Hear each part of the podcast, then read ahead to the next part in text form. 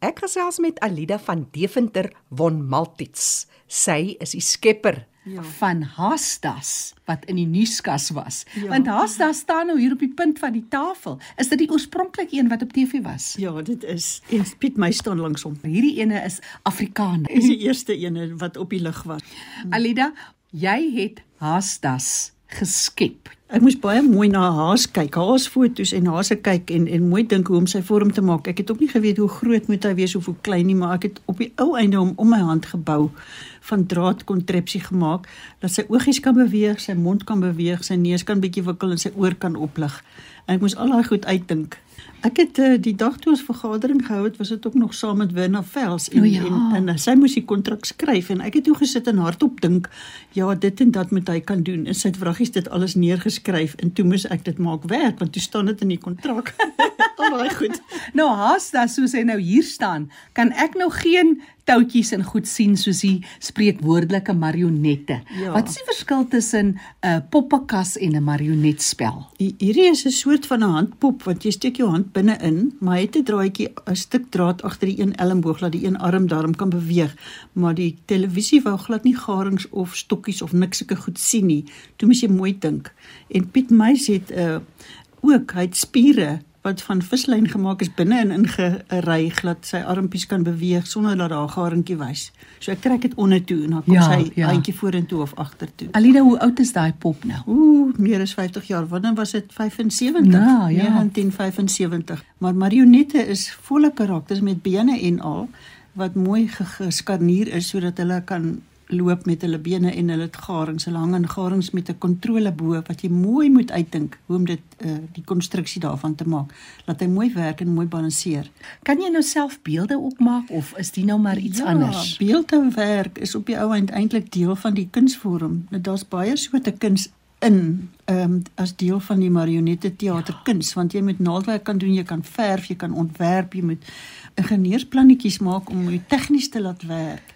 Maar jy het wyd gaan soek vir kennis. Jy het oorsee op opleiding gehad. Ja, ek het die, dit was 'n stokperdjie tot lank en en toe ek op die ou ende oorsee gaan kon ek dit eintlik al klaar gedoen het, maar eh, ek het verdere ondervinding daar gekry oor in 'n teater om in 'n teater te wees en en te sien hoe werk die hele teatertjie saam. Alida na al die jare is jy nog altyd lief vir hierdie poppe.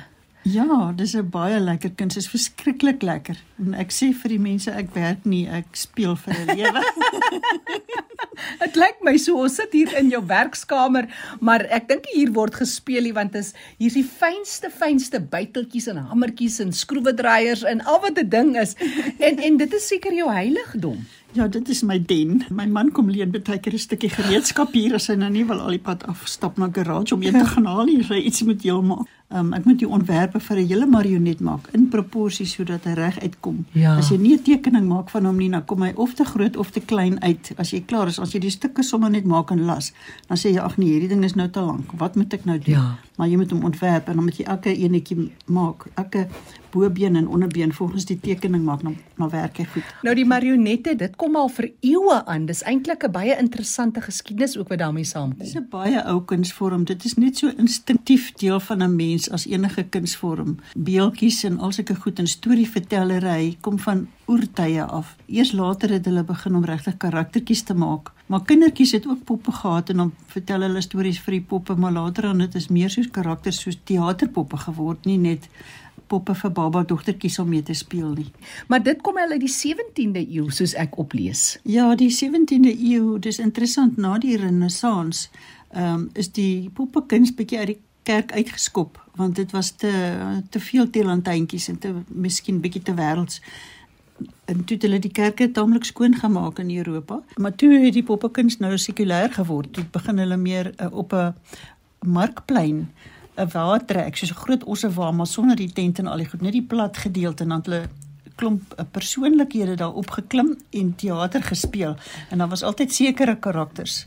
In Engels sê hulle dit stock characters. Is is vaste karakters. Altyd 'n dokter 'n pa en 'n ma en 'n kind en 'n oh, ja. en 'n polisieman en uh, al sulke goed wat elke keer dan sê hulle gou-gou vir mekaar, "Vandag gaan die storie so loop. Kom ons klim ons begin aan improviseer hulle sommer die hele ding." Dis mooi. En later het hulle van daai selfde karakters ook poppe begin maak. En die stories wat vertel was was seker ook maar soort van oorlewing. Dit was ook iets wat aan die Ja. orde van die dag is, die, nuus Ja. van die dag. Dit was seker ook om 'n ander storie te vertel Ja. deur middel van uh, amper speel speel. Party van daai stories was baie stories was baie grappig. Maar party van hulle was nogal rof en vandag se mense sê hulle weier om dit op te voer want Punch and Judy is verskriklik. Hulle slaan mekaar met stokke en hulle gooi die baba by die venster uit as hy te veel huil en al sulke goed nou sê. Nou wonder ek of en van die vandag se poppespelers weier om dit op te voer. Toe dink ek miskien kan ons dit gebruik vir ehm um, uh puppets against family violence of so iets. Ja, Aline van Deventer is die skepper van Hasdas in die nuuskas, kan jy dit onthou? En ek kuier hier by haar in haar pragtige ateljee vol gereedskap. Ek sien daar aan die ander kant hang 'n varkie. Wie's dit? Dis 'n skaduwee karaktertjie van die drie varkies en die wolf. Dit was baie prettig om dit te doen met skaduwees. Skaduwees is eintlik silhouette. Jy kan karton gebruik in 'n vorm uitknip, 'n silhouet van 'n karakter, dan hou jy dit agter 'n lap, is soos 'n lapskerm en 'n lamp agter in die gehoor sien net die skaduwee aan die ander kant. En uh, jy kan wonderlike goed daarmee doen. Jy kan tot kleur inbring met met uh, deurskynende plastiek en so aan. Alida, jy seker 'n lekker ouma. Jy vertel my jy het 11 kleinkinders. Ja, Speel dis- hulle lekker saam? Ja, hulle hulle het almal verskillende talente en party is, is nogal geïnteresseerd. Dan tel hulle nou van die goed op en kyk of hulle dit kan werk. ja. Hulle kan nogal. Hulle het een keer een van my stories geleen en by 'n kleuterskool gaan opvoer saam met hulle mamma sonder dat ek by was en dit was te lekker. Die drie beere en Ja. goue lokkies, hulle het dit so oulik gedoen op 'n tafel.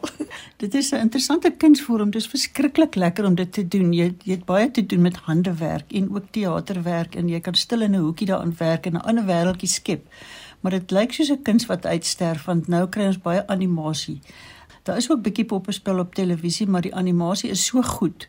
Eintlik hou mense nog daarvan om iets te soen- sien wat handgemaak is. Dit is so mooi en dit is so homely, so arts, dit is so heerlik. So iets wat met die hand gemaak is en hulle geniet dit verskriklik so hulle hinke daarna. Ja. En mense wat skaam is en selfs eh, jong mense wat autisties is, hou baie van die boek wat ek geskryf het oor hoe om dit te maak want O, hulle ja. kan op hulle eie sit en werk. As hulle skaam is, sit hulle in hulle eie hoekie, skep 'n ander storie wêreld. Ek sien jy's hier lê die boek, dit is marionette ontstrengel. Dis baie tekeninge en foto's binne-in om te wys presies hoe om marionette mm. te maak. Baie van die beginsels daarin is ook uh toepaslik op al die vorms, soos handpoppe ook. En 'n helfte van die boek gaan oor hoe om dit tegnies te maak en te ontwerp en die ander helfte van die boek gaan oor hoe om te oefen en op te tree in konsert. As 'n mens nou moet 'n poppe die kunstenaar wees, Ja. dan moet jy seker hoogs gekonsentreerd wees in daai tyd wat jy dit doen, want Ja. elke vingerbeweging, elke beweging wat jy kon met 'n toutjie Ja. maak, dit vertel die storie. Jy oefen baie voor 'n spieël, want die spieël wys vir jou wat die gehoor sien. As jy van bo af kyk, is dit asof jy by jou woonstelvenster uitkyk na die straat onder. Jy kan nie die mense se gesigte sien of hulle uitdrukkings nie, maar die spieël sê vir jou wat die gehoor sien en dan kan jy mooi aanpas om dit vir hulle mooi te maak, maar dan moet jy dit memoriseer. En later dan kom dit outomaties. Jy kan sien of jou marionet reg optree. Maar my man kyk my partykeer en dan sê hy vir my hy kan sien as ek optree en as mense daar. Alles verander. Die oomblik wat die mense daar is, is dit is dit 'n ander atmosfeer en jy doen dit asof jy vir hulle nou die grappie vertel. Dan sê my man hy kan sien ek gaan in 'n ander zone in. Alida, dit was wonderlik om vanoggend saam met jou in 'n ander zone in te gaan. Alida von Maltitz van Deventer wat met ons gesels het oor haar wêreld van ek sal sê jou hele lewe van speel. Ja, dis baie lekker. Ek kan nog aanhou daarmee. En ek is Jackie January wat groet hier uit 'n besige ateljee van Alida.